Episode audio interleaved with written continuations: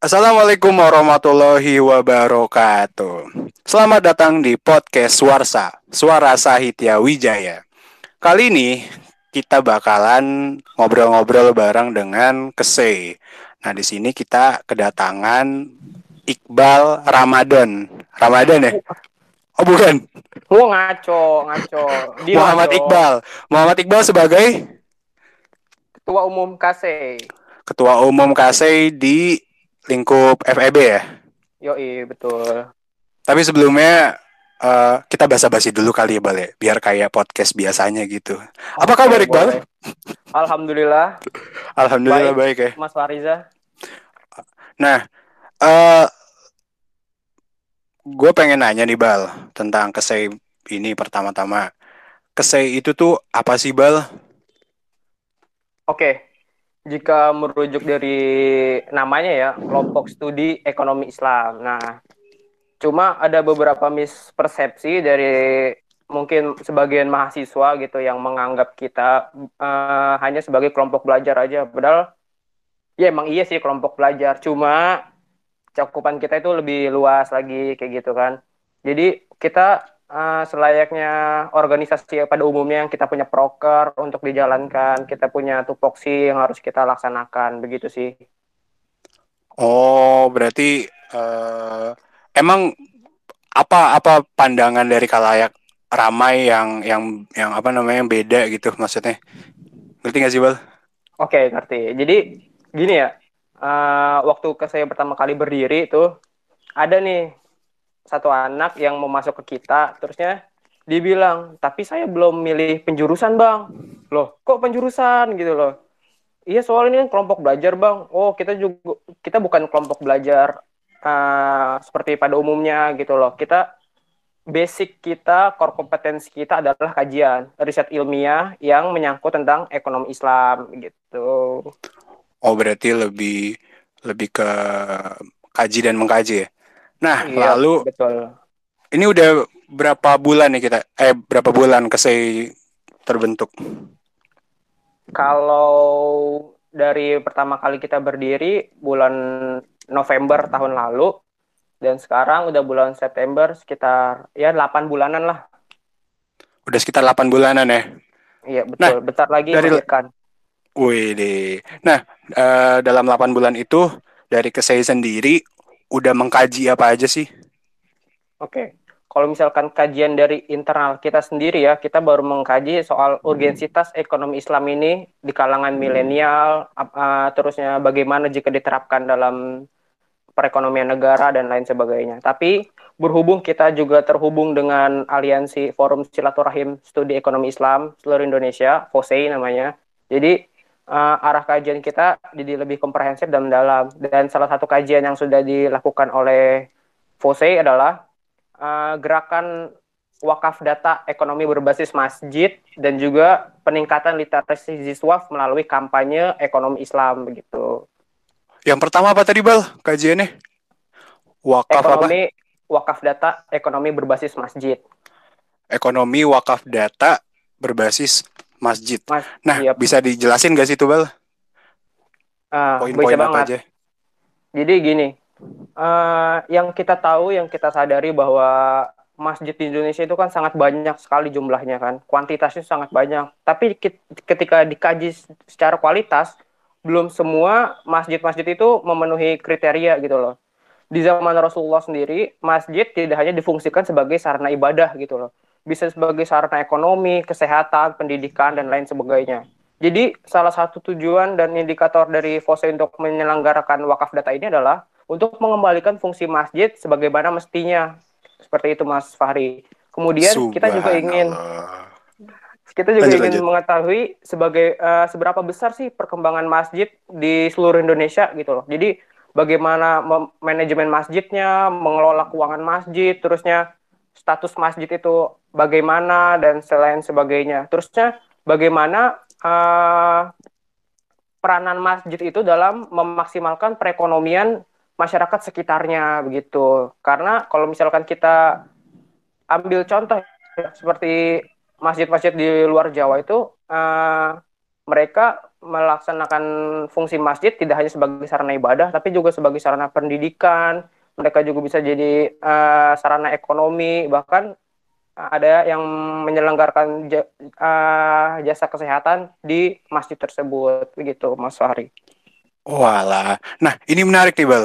Kan waktu itu sempat bukan meme sih ya, lebih ke di sosmed ada yang bilang uh, pernah lihat gak sih Bal kayak di masjid tuh ada yang tiduran dilarang iya. terus di iya. dilarang apa misalkan anak kecil untuk berisik terus hmm. dan lain-lain lain-lainnya gitu padahal seharusnya uh, masjid itu tempat untuk bisa di luar ibadah tapi semacam berniaga dan lain-lainnya gitu bal iya jadi sebenarnya uh, ini sih masalah ulama sebenarnya ya yang beda pendapat soal hal ini cuma memang jika kita menelisik lebih jauh lagi ke fungsi masjid di zaman Rasulullah, ya memang uh, fungsi masjid itu bisa jadi tempat istirahat untuk para musafir ya kan yang dalam melakukan perjalanannya untuk istirahat. Kemudian soal anak yang berisik gitu Sebenarnya uh, di zaman Rasulullah sendiri cucunya Rasulullah SAW Hasan dan Husain itu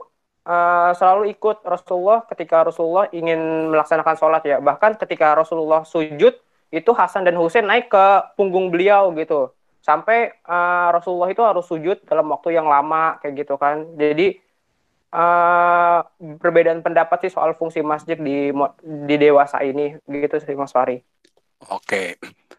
Kita kayaknya ini udah terlalu dalam ya. Ntar ini lebih baik dibahas sama yang punya kapasitas lebih kali ya. Iya nah, betul. nah, kita yang ringan-ringan aja lah. Pengen yang gue pengen gue tanyain tuh ini bal uh, menurut Kesei sendiri seberapa penting sih kira-kira untuk kita nih generasi milenial yang muslim ya melek yeah. sama yang namanya ekonomi syariah. Eh tapi sebelumnya okay. gini bal, ekonomi syariah sama ekonomi Islam tuh sama atau beda sih bal? Oke, okay. menarik pertanyaannya. Jadi begini, Islam itu sendiri terbagi atas tiga. Yang pertama akidah, yang kedua syariah, yang ketiga adalah akhlak. Nah, yang syariah ini terbagi atas dua lagi. Yang pertama adalah muamalah, yang satu lagi, yang kedua adalah ibadah. Nah, muamalah itu mengatur hubungan kita uh, kepada sesama manusia gitu. Habluminan nas, sedangkan ibadah hablumin Allah gitu. Bahkan ibadah aja dibagi atas dua, yaitu ibadah magdo dan ibadah gue magdo. Nah, ekonomi itu di bagian mana? Nah, ekonomi itu ada di bagian muamalah ini gitu, gitu Ri. Oh, berarti uh, lebih ke di muala muama bleh, muamalah itu ya, Bal ya? Iya, betul. Nah, terus tadi uh, belum terjawab nih, Bal. Yang pertama nih, Bal. Menurut uh, lu sendiri seberapa penting sih kita generasi milenial nih melek sama yang namanya ekonomi syariah ya? Oke. Okay. Uh, oke. Okay. Jadi untuk penyebutan entah itu ekonomi Islam atau syariah sebenarnya sama aja ya. Tapi kalau syariah itu lebih uh, menyangkut pautkan kepada aspek hukumnya, sedangkan Islam itu lebih universal gitu loh. Dan Oh, iya, iya. lanjut. Nah, ya begitu. Dan untuk urgensitasnya nih ya, kita uh, tarik sejarah dulu lebih panjang lagi ke belakang gitu. Menurut Pak Adi Warman Karim nih ya, salah satu praktisi penggiat ekonomi Islam, uh, beliau berkata bahwa ekonomi Islam itu bukanlah ekonomi yang berasal dari zaman batu gitu loh, yang bukan dari sistem barter dan lain sebagainya. Ekonomi Islam adalah ekonomi uh, yang sudah sistemnya secara modern gitu loh. Karena ekonomi Islam ini hadir uh, pertama kali di Makkah ya, yang mana Makkah itu salah satu pusat perdagangan internasional saat itu. Nah, terus Eh, konsep-konsep uh, dalam ekonomi Islam itu sendiri bagaimana? Sebenarnya konsep ekonomi Islam itu sudah ada bahkan sejak zaman jahiliyah gitu loh. Misalnya akad mudorobah. Mudorobah itu adalah bagi hasil kan. Bagi hasil itu sudah dikenal sama masyarakat Arab terdahulu gitu loh. Bahkan sebelum Islam sampai ke sana. Nah, jahiliyah di sini adalah jahiliyah dalam uh, menerima wahyu Allah gitu loh. Mereka belum istilahnya belum dapat pencerahan uh, soal agama gitu loh. Tapi dari segi peradaban, ekonomi dan lain sebagainya, mereka itu sudah maju gitu loh. Nah, kemudian Islam hadir untuk mengakomodir sistem tersebut dan diterapkan dalam sistem Islami gitu. Jadi uh, sistem-sistem yang tadi saya bilang itu seperti mudorobo itu sebenarnya diadopsi dari uh, sistem masyarakat Arab terdahulu kemudian diadopsi ke kita gitu karena ambil baiknya buang buruknya gitu loh. Kemudian ya uh, Islam telah uh, menaklukkan bangsa-bangsa yang besar gitu. Seperti Persia terus Romawi Romawi Timur gitu kan. Uh, ke yang kemudian sistem dari Persia itu diambil diambil juga oleh Islam yang tidak bertentangan dengan syariat. Semisal uh, dir, dirham. Dirham kan uang perak ya. Perak itu berasal dari Persia. Nah dinar sendiri itu dari mana? Dinar itu sendiri sebenarnya kita ambil konsep di dari Romawi gitu dari Raja Dinarius. Makanya kenapa namanya disebut dinar gitu loh. Kenapa dinar dirham di diambil konsepnya dalam ekonomi Islam? Karena adanya underlying aset gitu. Adanya lindung nilai di dalamnya gitu loh. Jadi kita nggak asal-asalan nyetak uang gitu tapi kita ada underlyingnya. Begitu yang kemudian sangat disayangkan adalah jika kita baca buku-buku sejarah pemikiran ekonomi kontemporer ya seperti bukunya uh, dari Arnov itu sayang sekali uh, kenapa ekonomi Islam itu tidak dimasukkan ke dalam uh, buku tersebut gitu loh. Padahal ya ekonomi Islam itu sendiri telah berjaya selama 800 tahun dimulai dari abad ke-7 sampai ke abad 15 gitu dan menguasai 2 per 3 belahan dunia gitu loh. Di buku itu dimulai dari zaman pra-Yunani kuno sampai awal-awal Masehi di bukunya dari Arnov itu. Kemudian dari zaman patriastik sampai skolastik itu zamannya filsafat. Kemudian langsung dilengkapin tuh ke uh, ke zamannya Thomas Aquinas, dia imam gitu, imam Katolik kalau nggak salah di abad ke-13. Berarti kan seolah ada penghilangan sejarah ekonomi dan peradaban Islam uh, di dunia ini gitu loh. Sangat disayangkan padahal yang kita tahu adalah sistem kapitalis maupun sosialis telah gagal membawa kesejahteraan dan uh, mengurangi kesenjangan ekonomi di masyarakat gitu loh. Jika kita melihat ke sejarah lagi, uh, saat uh, kekhalifahan Khulafaur Rasyidin itu sangat berkembang pesat pada zamannya Umar bin Khattab dan Utsman bin Affan. Seperti mulai diterapkannya pajak keluar masuk gitu, bea cukai mungkin yang sekarang dikenal ya.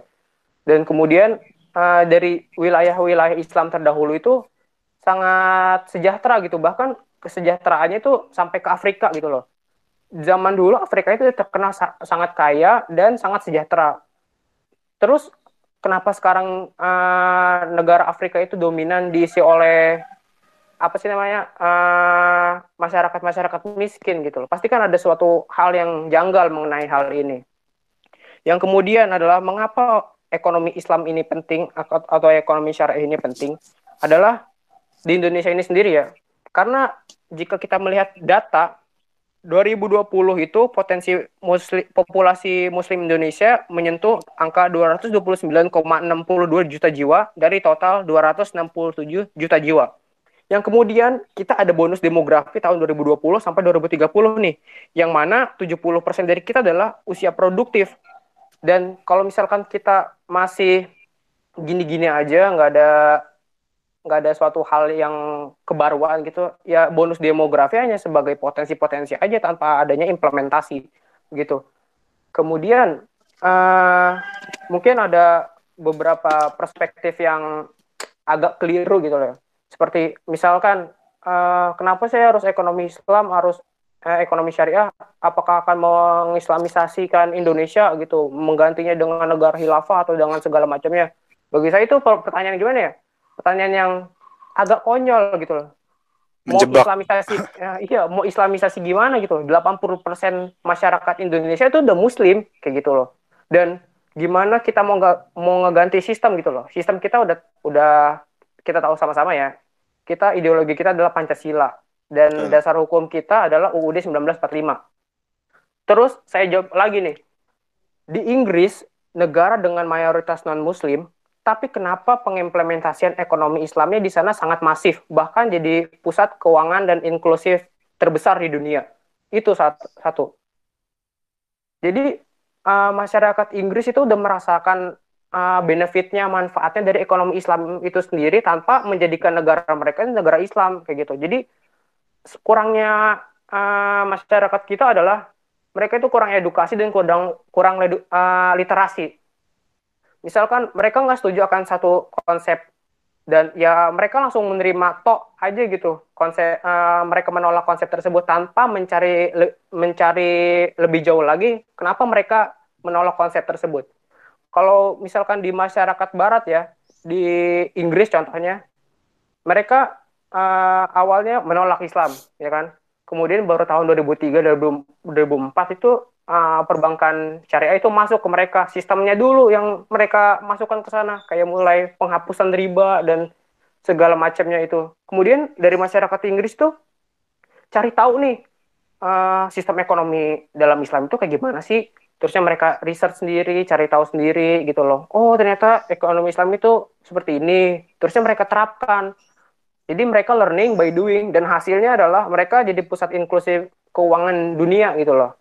Beda sama masyarakat kita ya kalau misalkan nolak ya udah nolak aja tanpa mau membandingkan mengkomparasi antara satu eh, satu sistem dan sistem lainnya. Jadi itu yang menjadi penghambat kita untuk maju gitu loh.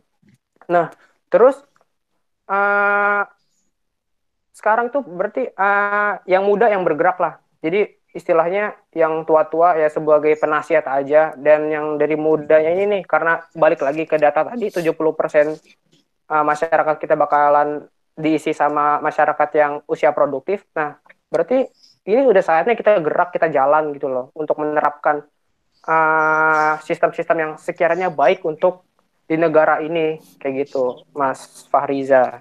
Waduh. Banyak banget nih hal yang menarik dibahas kali ini nih. Nah, terus berarti dari uh, sejarahnya dari yang tadi uh, lu sendiri ceritain yang gue tanggap berarti di ekonomi Islam sendiri yang mempunyai hukum ekonomi syariah, betul nggak? Iya, betul. Nah, itu berarti uh, dengan kata lain kayak in other words bukan cuma eh maksudnya menguntungkan semua pihak gitu. Bukan cuma bukan cuma kayak uh, hukum yang mungkin banyak sebagian orang di Indonesia mikir itu ah konservatif gitu atau gimana iya. ini balik lagi ini diskusi ya bal ya iya iya jadi uh, itu sih yang jadi PR besar kita ini masalah yang terjadi di negara kita ini lebih kompleks dari apa yang kita pikirkan, apa yang kita bayangkan kayak gitu. Mulai dari konsep kita yang indeks literasi kita itu masih sangat rendah gitu loh. Dan dan bagaimana ya ketika kita bahas ekonomi Islam itu kita akan membahas soal Islam itu sendiri. Dan Islam itu sendiri kan akan adalah sangat luas kan. Dan Islam itu membahas sosial ekonomi, uh, terusnya politik, hukum, sosial humaniora, pendidikan, kesehatan, dan lain sebagainya. Nah, uh, dan dari luasnya samudera keislaman itu sendiri, dari kami KASA itu hanya mengambil satu bagian, yaitu ekonomi Islam. Tetapi ekonomi itu tidak hanya tok ekonomi, beririsan juga dengan hal lain. Semisal ekonomi politik, ekonomi hukum gitu loh. Soalnya gimana ya, apa sih di dunia ini yang nggak ada sangkut pautnya sama ekonomi gitu loh. Ibaratnya kita buang air kecil aja nih, buang air besar aja ada ekonominya gitu kan, bayar 2000, bayar goceng gitu kan. Nah, parkir juga itu uh, melibatkan uh, ekonomi juga kan. Nah, terus uh, kita mungkin bahas soal sistem ekonomi sosialis, kapitalis dan dan bagaimana kegagalan mereka ya kalau saya merujuk dari bukunya Abdul Rahman Al-Maliki gitu ya, pemikir ekonomi Islam kontemporer dalam bukunya Asia 1 Al-Iqtisadiyatu Al-Musla atau singkatnya Politik Ekonomi Islam. Jadi ekon uh, ekonomi sistem ekonomi yang ideal adalah sistem ekonomi yang menyatukan aspek komprehensif tentang alam, manusia, dan kehidupan. Dan itulah uh, sistem ekonomi yang dibangun atas fondasi akidah yang kuat yang kemudian uh, dalam buku itu juga Al-Maliki mengkritik dua sistem ekonomi kapitalisme dan sosialisme karena menimbulkan permasalahan bagi umat manusia. Semisal, kapitalisme hanya menitik beratkan kepada pertumbuhan atau growth sebagai target utama perekonomian. Jadi yang kaya makin kaya, yang miskin makin miskin. Kalau konsepnya mungkin ember bocor gitu. Jadi yeah. yang masyarakat kecil tuh cuma dapat uh, tetesan-tetesannya aja kayak gitu kan. Yang kemudian yang kedua sistem ekonomi sosialisme yang melarang kepemilikan faktor-faktor produksi oleh individu. Nah itu kan jadi uh, penghambat juga untuk uh, masyarakat untuk berkembang, mengembangkan ekonomi dan lain sebagainya sehingga uh, banyak negara-negara yang menganut sistem sosialis ini dan kapitalis ini mengalami kegagalan kayak gitu. Karena jika kita kaitkan dengan problematika SDGs itu ya, ada kesenjangan sosial di mana permasalahan ini yang terlihat jelas adalah kesenjangan atau inequality yang mana disebabkan dari uh, perbedaan tingkat pendapatan dan akses berusaha yang nggak adil. Contohnya gini deh, indikator koefisien Gini nasional Indonesia itu masih uh, berkisar 0,382 gitu loh. Angka idealnya adalah 0,1 atau uh, paling tinggi 0,2 deh, kayak gitu.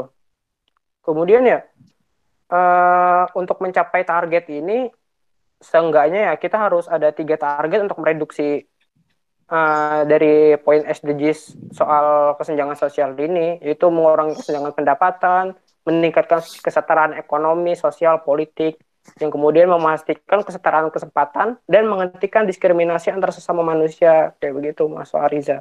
Waduh, berarti uh, dari saya sendiri berusaha untuk sebagai generasi muda nih untuk uh, mengedukasi ya lah ya lebih tepatnya. Iya.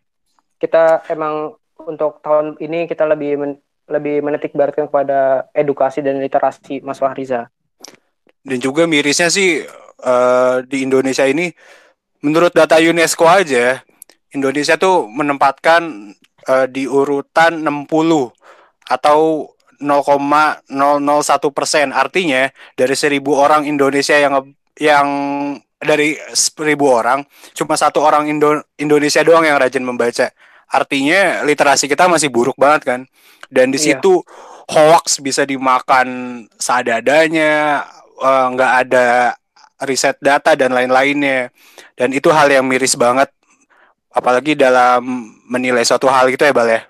Nah iya betul. kalau da kalau dari proker ke saya sendiri nih ada nggak sih yang apa misalkan kayak mengedukasi mahasiswa? Berarti ini kan lingkupnya mahasiswa ya?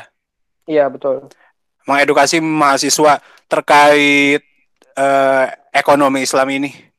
Lewat proker apakah? Oke, jadi uh, untuk edukasi ini kita ada proker uh, kajian internal dan kajian ek eksternal, namanya kibar, kajian akbar. Nah, jadi di situ kita akan menampilkan istilahnya isu-isu kontemporer atau isu-isu hangat yang sekarang ya bahkan di dunia gitu. Jadi uh, misalkan soal zakat, infak, sodakoh dan wakaf potensi Ziswaf di Indonesia itu kan sampai 200 triliun sekian gitu kan. Tapi kenapa sih realisasi penghimpunan zakat gitu, infak, sedekah, wakaf itu cuma 80 triliun gitu loh. Pasti kan uh, berarti kan nggak nyampe setengahnya gitu loh. Dan dari keresahan itulah kita berangkat gitu loh. Terus soal market share perbankan syariah yang cuma stagnan 5% tiap tahun kayak gitu kan. Uh, hmm. dengan dengan mayoritas masyarakat muslim di Indonesia gitu loh. Kenapa ya ekonomi Islam di Indonesia itu sulit berkembang kayak gitu kan. Bahkan Bank Muamalat aja baru ada tahun 1992 kayak gitu. Hmm. Oke, terima kasih Bal. Kayaknya udah banyak banget nih yang kita obrolin hari ini. Terus pertanyaan Oke. terakhir nih Bal, yang mau gue tanyain. Harapan dari lu nih Eh, ter terhadap Kesei lima tahun mendatang itu apa sih Bal? Oke, okay. uh, eh, harapan saya pribadi untuk Kase adalah agar terus uh, menciptakan inovasi, kreasi, dan menciptakan sebuah kebaruan gitu loh. Karena umat ini butuh pemikiran-pemikiran kalian, uh, umat ini butuh pertolongan kalian gitu.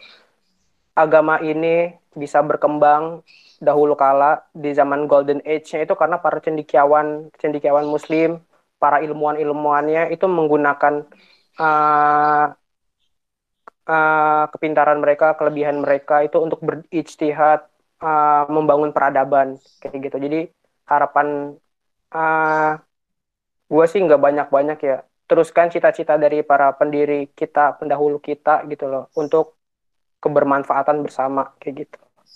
Waduh, sangat-sangat informatif sekali. Nah, terus uh, buat teman-teman mahasiswa baru nih, Bal, kenapa sih harus join ke SEI? Kebermanfaatan bersama kayak gitu. Waduh, sangat-sangat informatif sekali. Nah, terus uh, buat teman-teman mahasiswa baru nih, Bal. Kenapa sih harus join ke SEI? Oke, kenapa uh, kalian para maba uh, harus gabung ke kita gitu loh? Karena kita mengemban visi dan misi untuk sama-sama membangun negeri itu pertama. Yang kemudian kita juga perlu uh, sesuatu hal gebrakan untuk bersama membenahi permasalahan problematika agama yang terjadi uh, belakangan ini kayak gitu. Jadi istilahnya kita punya paradigma beda yang gunanya untuk kebermanfaatan bersama itu lagi. Kemudian uh, sebenarnya kalau misalkan kalian yang non muslim pun boleh kok gabung ke kita gitu loh. Karena untuk mengkaji bersama soal ekonomi Islam ini kita juga per perlu pendapat-pendapat kalian gitu kita uh, mari berdiskusi mari kita mengkaji gitu menyatukan opini uh, kemudian kita gak, satukan gagasan-gagasan tersebut dalam sebuah riset ilmiah yang kemudian kita ajukan kepada para stakeholder baik itu pemerintah maupun para pengusaha uh, jadi apa yang sudah kita perjuangkan apa yang sudah kita pikirkan apa yang sudah kita bangun itu terasa kebermanfaatannya nggak hanya buat kita tapi juga bagi orang banyak gitu. Waduh, wah menarik nih. Ini baru tahu nih gue bal. Ternyata uh, siapa pun bisa join ya di kesei ini untuk kaji bareng-bareng walaupun di luar Islam. Iya boleh. Jadi ya kita Islam ini kan agama yang universal dan komprehensif ya. Ya barangkali ada teman-teman yang mau dapat knowledge baru, insight baru, boleh ke kita gitu. Kita sama-sama lah berbenah bersama gitu. Wadah yang sangat uh, informatif untuk bertukar sudut pandang ya tentunya di FEB. Nah ya udah bal. Insya Allah. Oke. Okay. Nah untuk teman-teman yang kepo nih bal sama Instagram Kesei bisa dicek di mana sih? Oke, okay, untuk teman-teman yang kepo soal sosial media kita bisa cek di @usefulfeb KC useful FEB itu. Oke. Media sosial lain? Kalau media sosial lain kita ada Twitter sama uh, eh, KC Useful FEB dan YouTube kita KC Useful FEB juga.